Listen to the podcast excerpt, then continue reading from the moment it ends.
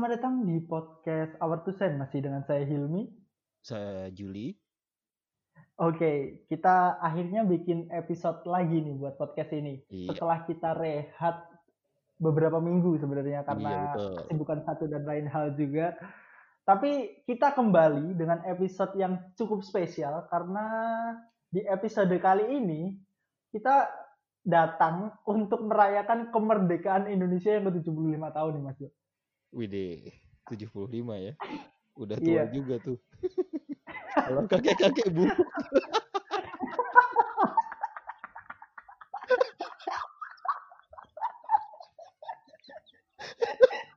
eh, gak boleh ketawa loh. Ini bangsa loh. Aduh. Iya, iya Bener-bener. Bener-bener. benar benar benar. 75 tahun kita sekarang. Ya sih benar. Ya Tapi karena kalau buat bangsa tahun itu muda loh. Banyak bangsa-bangsa besar itu emang lebih tua daripada bangsa Indonesia. Cuma ya kita sekarang hari tahun ini merayakan kemerdekaan dengan cara yang agak berbeda ya. Gak bisa sebebas Iya, benar. biasanya. heeh. Apalagi biasanya kalau ada lomba makan kerupuk pakai mulut gitu kan. Nah sementara sekarang eh, virusnya justru menyebar lewat itu. Bahkan berkerumun biasanya apel kan kita ngumpul terus cangkruan sekarang lagi nggak bisa gitu. Iya, sebenarnya yang lebih berbahaya daripada lomba makan kerupuk ini sih, lomba ngambil koin di labu. Tahu nggak ya biasanya dikasih dikasih oli atau itu minyak rem. itu lebih bahaya sih.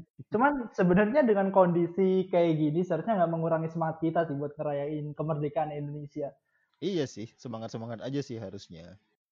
Contohnya kayak kita sekarang lah yang Ya, merayakan ya. kemerdekaan Indonesia bikin podcast dengan episode spesial kemerdekaan kayak gini dan juga sebenarnya masih banyak cara lain sih buat merayakan kemerdekaan Indonesia walaupun kita tetap di rumah aja Betul. untuk tetap menerapkan adanya social distancing. Jadi tetap merayakan tapi tetap sesuai protokol kesehatan yang berlaku gitu kan. Iya benar-benar. Nah, terus kita mau ngobrolin apa nih di episode spesial ini? Di episode spesial ini karena kita ini membuat episode untuk Kominfo, Asik. ya nggak? Kita kasih sponsor nih. Nah, Kominfo kan lagi ngadain lomba nih buat cerita kemerdekaan seperti apa sih yang kalian jalani di masa pandemi kayak gini. Heeh. Jadi kita karena kita di masa pandemi ini sebenarnya kita mulai bikin podcast ini kan gara-gara kita masuk online class kan. Kita Iya. bingung mau ngapain lagi di rumah karena online class kan nggak butuh waktu banyak kayak biasanya. Dan Betul. juga kan kita juga harus mencari substitusi lah ya atau pengganti kegiatan-kegiatan yang biasanya kita lakuin setelah kelas. Betul. Ya, contohnya kayak kita kan habis kelas itu pasti diskusi sama teman-teman gitu. Walaupun kita mungkin makan bareng kayak atau nongkrong di mana gitu kan pasti ada diskusi kecil-kecilan lah. Nah, sedangkan kalau misalnya lagi online class kayak gini kan habis kelas ya udah live meeting, habis itu nggak bisa ketemu lagi. Betul, betul. Dan luar biasanya ternyata Menkominfo ini lumayan responsif juga ya sama keadaan ini, kondisi ini, terus eh, sama tren podcast yang lagi naik gitu. Terus mereka ngadain lomba podcast buat ngerayain 75 tahun kemerdekaan Indonesia gitu kan. Kita kayaknya Iya, perlu banget. kasih sama Pak Joni G. Plate deh. Iya. Oke. Pak. Iya, terima kasih banget sih. Dan juga itu sebenarnya bikin ini juga sih. Contohnya mungkin banyak orang-orang yang belum mengenal media podcast sebelumnya. Jadi karena Betul. karena ada lomba kayak gini kan pasti banyak banget tuh yang ikut. Paling nggak orang-orang yang dulunya kayak kita tapi belum mengenal podcast jadi kepikiran, oh iya, kayaknya ini media yang cocok deh buat diskusi sama teman-teman yang biasa aku lakuin waktu setelah kelas kayak atau sebelum adanya pandemi kayak gini. Asik. Emang suka diskusi Mi habis kelas biasanya? Biasanya sih iya, karena Wih, deh. tuntutan kan. Tuntutan. Anak debat nih. Iya. Dan enaknya podcast ini kan kita sekalian latihan public speaking ya Mi ya sebenarnya ya. Ya, bener banget. Heeh, maksudnya kita mulai belajar menyadari bahwa kita ngobrol tapi sambil didengerin orang lain gitu. Jadi kita ngatur apa yang keluar dari mulut kita, terus biar pendengar itu enak dengernya. Itu Iya. latihan yang secara tidak langsung sih sebenarnya. Padahal kita sebenarnya lagi diskusi biasa biasanya. Iya benar. Mm-mm. Dan juga ini sih mas, kalau misalnya kita nggak ngobrol dalam jangka waktu yang lama, soalnya kan ilmu public speaking ini bisa hilang kan. Kalau Ya. misalnya kita nggak melakukan itu secara berkala. Betul. Kosakata aktif gitu ya. Kan kalau Benar bahasa benar Inggris benar. itu biasanya kemampuan bahasa Inggris pasif sama bahasa Inggris pas aktif gitu kan. Nah, Aktif. heeh, Ah, begitu ya. juga sebenarnya sama bahasa Indonesia, kemampuan kosakata aktif kita itu bisa hilang kalau nggak dilatih. Iya, banget. Hmm. Apalagi kita kan emang lagi belajar yang membutuhkan sekali ilmu public speaking kayak gini kan. Karena yang kita jual ya cuman omongan kita doang. Iya, banget. Yang kita jual ya omongan kita doang. Heeh, betul. Jadi sebenarnya lo ya lawyer ataupun apa pun ya, eee, jaksa Iya. sebenarnya kan di waktu di pengadilan itu ya yang digunakan ya public speaking itu. Terus ini juga sih Mas, karena tadi kan aku sempat nyinggung kalau misalnya ini juga buat substitusi kita biasanya diskusi di Mhm. luar kelas. Nah, Iya. biasanya kita juga kan sebenarnya kalau misalnya setelah kelas, karena ya tadi karena aku ada tuntutan juga, kadang sering ikut lomba. Mas Jul kan juga kemarin kan sempat skripsi gitu kan. Nah, Mhm. biasanya kan kita konsul tuh sama dosen-dosen. Ya, betul. Nah, di podcast ini juga sebenarnya kan juga mensub substitusi lah ya, kebiasaan-kebiasaan kita Diskusi sama sebelum dosen adanya pandemi nah, si diskusi sama dosen itu. Mmm. Contohnya kita kemarin kan sempat ngundang kayak Pak Herlambang yang Ya. selaku saksi ahli waktu kasus blackout Papua kemarin kan. Heeh, yang bahkan, eee, keputusannya bikin, eee, presiden dianggap bersalah gitu ya. Nah, iya. Tapi itu juga gini sih setelah aku pikir-pikir ya, kan biasanya kita Heeh. diskusi itu sebagai mungkin eksklusivitas kita sebagai mahasiswa kan. Iya. Maksudnya orang umum kan belum tentu bisa diberikan waktu oleh beliau untuk melakukan diskusi bersama. Nah, dengan adanya podcast ini kita kan mem-publish-nya secara luas. Iya. Jadi masyarakat-masyarakat umum yang mungkin nggak punya akses ke situ buat diskusi sama orang-orang yang memang expert di bidangnya, yang mana kita sedang pelajari hukum ya pasti expert di bidang hukum gitu. Iya, betul. Jadi bisa merasakan itu, ya? Heeh, iya betul. Itu mungkin istilahnya inklusivitas pengetahuan jadinya gitu ya.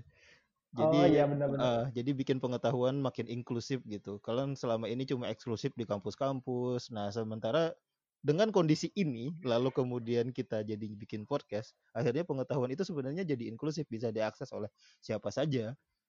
Selama masih Nah, bisa iya iya. akses internet kan gitu. Kuncinya memang itu sih. Dan Menkominfo memang harusnya, eee, orang yang sangat berperan atau badan yang sangat berperan di bidang akses ini gitu. Iya, benar. cocok nih. Iya, cocok banget nih. Heeh, dan ini masalah masalah akses ini juga menentukan akse apa namanya, menentukan akses masyarakat umum juga ke hal yang sering kita lakukan saat ini juga. Apa itu? Yaitu webinar gitu.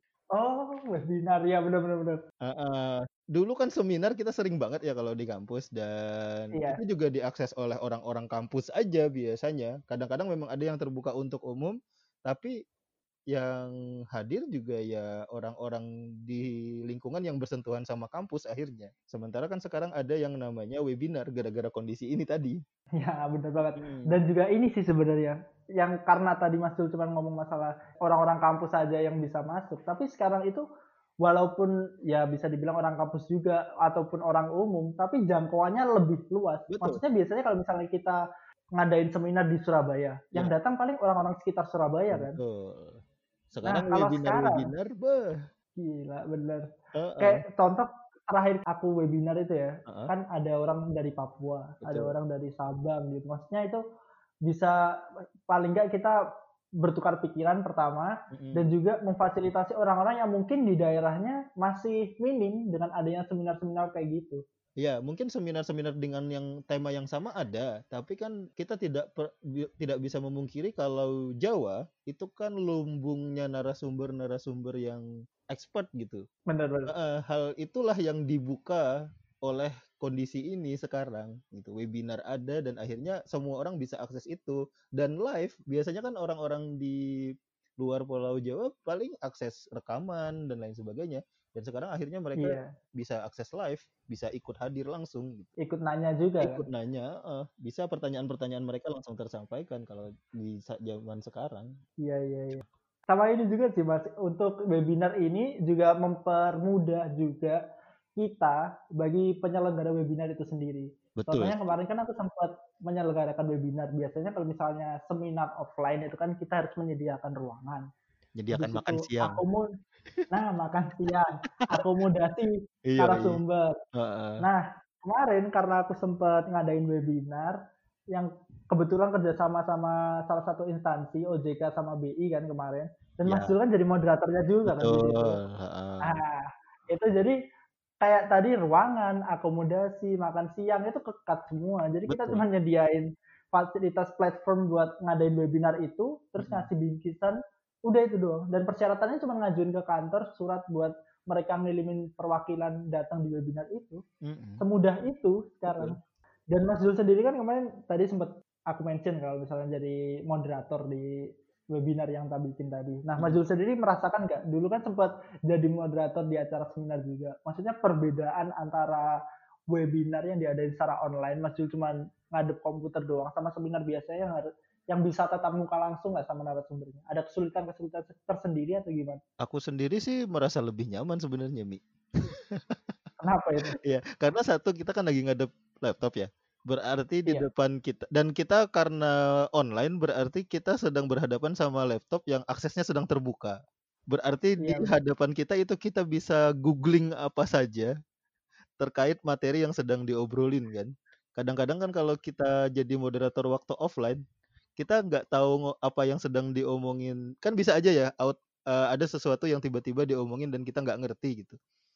Kita Iya, iya. harus buka HP dan tidak nyaman kan ketika di kondisi offline orang ada yang ngomong terus kita buka HP. Nah, itu Kurang sopan gitu. kurang sopan kan. Nah, ju- justru kalau di kondisi yang sekarang itu sangat normal dan oke-oke aja gitu. Jadi Oke, justru oke. kalau aku sih menikmati. Tapi kan itu mas, apa ada keterbatasan kalau misalnya kita di seminar offline, paling nggak Mm-mm. kita ketemu langsung lah ya sama narasumber itu kan mungkin bisa jadi perasaan yang cukup wow lah buat kita bisa ketemu langsung sama orang-orang besar yang biasanya kita cuma lihat di layar kan. Betul. Tapi gini loh, eh, dari sisi lain ya, eh, Iya. kita bisa video callan sama orang-orang besar juga luar biasa kok sebenarnya. Iya, iya benar. Iya kan ya, kalau sekedar ketemu di tempat acara kan semua orang bisa ya, tapi kalau video callan sama orang-orang besar kan Iya benar benar. Tadi kan sebenarnya eh, bisa dibilang hal-hal yang bisa kita lakuin walau kita di rumah aja, maksudnya hal-hal produktif yang biasanya kita lakuin di luar rumah sebelum adanya pandemi ini, tapi sebenarnya ada substitusinya loh kalau misalnya kita mau cari. betul. Jadi sebenarnya kita sekarang lagi kebuka pikiran kita buat nyari alternatif gitu ya. Iya benar, Hmm, nyari alternatif-alternatif kayak gitu. Dan juga ini juga sih mas, Eh, tadi kan kita ngomongnya memberikan informasi, informasi untuk orang lain, tapi kita sendiri sebenarnya sebagai mahasiswa kan dituntut untuk selalu mencari ilmu kan. betul. Nah, dengan adanya pandemi kayak gini, itu sebenarnya banyak banget hal positif yang kita dapat. Salah satu contohnya itu banyak banget kampus-kampus besar di dunia itu membuka kelas secara gratis. Betul. Bahkan institusi-institusi besar juga kan. Nah, iya. Mas Jul dia. pernah ikut apa aja tuh? Aku sih untuk sementara ini masih ikut kelasnya Tempo. Tempo itu aku ambil Iya. dua kelas kemarin, kelas menulis yang pemula sama yang opini. Terus di Udemy itu aku ikut ini yang Excel. Kan sekarang aku bikin kelas Word. Nah, sekarang aku lagi nambah ilmu ke Excel. Oh, Gitu. iya iya. Ya barangkali nanti kepakai di mana kan. Heeh. Iya, benar benar benar. Loh, kamu ikut gimana aja, Mi? Aku sebenarnya itu sih kurang aktif dalam hal itu, tapi kadang sering buka-buka kelas kayak di Harvard gitu Ah, kan betul. banyak kan kelas hukum. Kayak Hmm. contohnya kontrak gitu-gitu kan ada Betul. kan di situ ada kelas interaktif lah. Betul. Tadi Mas Jul sempat ngomong kalau misalnya lagi buka kelas nih sekarang. Ya, Nah, gimana tuh? Kelas apa yang dibuka dan juga kenapa buka kelas waktu pandemi kayak gini? Iya, kelas itu kan kelas soal gimana caranya formatting skripsi kita di aplikasi Microsoft Word. Nah, ternyata itu teman-teman banyak yang kesulitan karena satu sisi memang Word itu sebenarnya powerful sekali, tapi kurang dieksplor banyak gitu. Soalnya kan itu kayak ah memang cuma butuh ini ini aja. Eh ternyata waktu skripsi karena aturannya cukup rigid ya, cukup lengkap di buku panduan kita. Jadi butuh sesuatu yang di luar hal yang biasa kita lakukan sehari-hari. Sama eh, ada teman-teman yang mungkin ke waktu kerja kelompok misalnya kurang berpartisipasi biasanya. Jadi Jadi pas mau skripsian agak bingung sama beberapa fitur di Microsoft Word. Nah, aku bikin kelas buat bantu mereka. Nah, terbantu banget sih dengan kondisi ini ya dalam dalam tanda kutip karena bikin kelas online jadi tidak dipertanyakan. Sementara aku sebenarnya udah kepikiran ini sejak lama, bikin kelas macam Oh. ini. Cuma kan kebentur kita mau kelas di mana, ngumpulin orang berapa, cara ngajarinnya gimana, terus izin tempatnya gimana. Itu agak susah ketika offline justru dan bik- bikin kelas online waktu kondisi normal kan agak aneh ya masih ya buat waktu itu ya Iya. bahkan Google Meet kita baru kenal nyoba-nyoba sekarang atau Zoom baru nyoba-nyoba waktu kondisi ini gitu. Jadi sebenarnya kondisi inilah yang membuka kesempatan itu kalau buatku. Nah, Oke. nah terus Mi, aku nanya balik nih. Anak debat kan kamu ya? Iya. Nah, sebagai anak debat kompetisi debat sekarang gimana, Mi? Nah, kompetisi debat sendiri itu sebenarnya macam-macam sekarang cara pelaksanaannya. Oke. Jadi ada yang langsung kayak biasanya cuman diganti media online. Jadi di salah satu platform video conference gitu, mereka debat secara langsung disaksiin sama juri, ada timekeeper juga. Mm-mm. Tapi karena itu sebenarnya banyak plus minusnya juga. Iya, risiko Nah. ada sih ya. Resiko banyak banget. Kadang kan kendala koneksi ya. Betul. Dan juga mungkin ada juri-juri yang awam juga cara penggunaan video conference ini seperti apa. Oke, oke. Soalnya kan juri-juri yang kita undang kan expert-expert itu kan kebetulan emang usianya biasanya karena mereka udah mendalami ilmu cukup lama kan usianya udah sudah lumayan tua dan kadang untuk pengoperasian hal-hal yang berbau soal internet kan kurang mengerti juga kan. Mm. Nah, tapi itu juga tapi rata-rata mereka udah mulai lah ya Iya. beradaptasi pastinya. Nah, yang kedua itu ada yang ini. Jadi kita nge-record video Mm-mm. merecord video pembicara 1 2 3 lalu dikirimkan ke mereka. Nanti oleh mereka itu dikirimkan ke juri, juri memberi nilai, terus baru di scoring di ranking dari ranking 1 sampai ranking terakhir. Tapi itu berarti ini eh, nggak saling sanggah antar pembicara berarti. Antar- Enggak, jadi Oh. kayak kompetisi video jadinya. Iya, kompetisi pidato jadinya. Iya, jadinya kayak gitu emang. Oh, oke oke oke oke oke. Ya itu sih. Jadi kalau misalnya buat debat sendiri masih ada dua tipe mekanisme pelaksanaan. Mm-mm. Yang masih dapat esensi debatnya sebenarnya yang pertama ya. Cuma Iya. kalau misalnya pas lagi ngomong gitu tiba-tiba ada alien lewat kan. bener, bener Suara- banget. Suara speakernya jadi kayak alien juga gitu. Iya benar. Dan sebenarnya ini juga sih karena debat itu kan eh, time manajemennya benar-benar Mm-mm. harus kuat banget. betul. Maksudnya ada batasan waktu untuk menyampaikan argumentasi berapa menit gitu-gitu. Dan juga pasti banyak distraksi juga kalau misalnya di rumah. Gak memungkiri kalau misalnya di rumah kita sering dipanggil mungkin orang tua kayak, Hil tolong dong, kayak matiin kompor kayak atau apa gitu kan. Ya Bisa jadi, kan. gitu.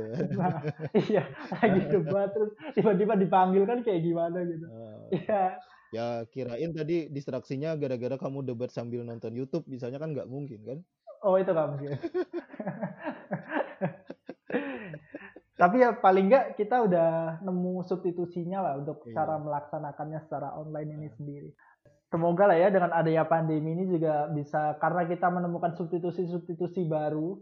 Selain kegiatan kita yang kita lakuin sebelum adanya pandemi kayak gini. Iya. Jadi nanti setelah pandemi ini selesai paling nggak kita punya dua opsi lah untuk ngelakuin segala Banyak hal. hal. Ah, Nah iya. betul. Jadi paling nggak kita bisa menilai mana sih yang lebih efektif kita lakuin, mana yang lebih efektif kita lakuin.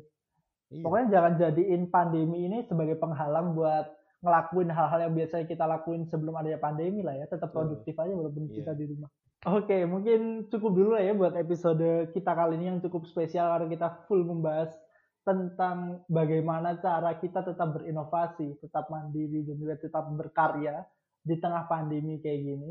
Oke, mungkin cukup dulu episode kita kali ini. Thank you yang udah dengerin sampai.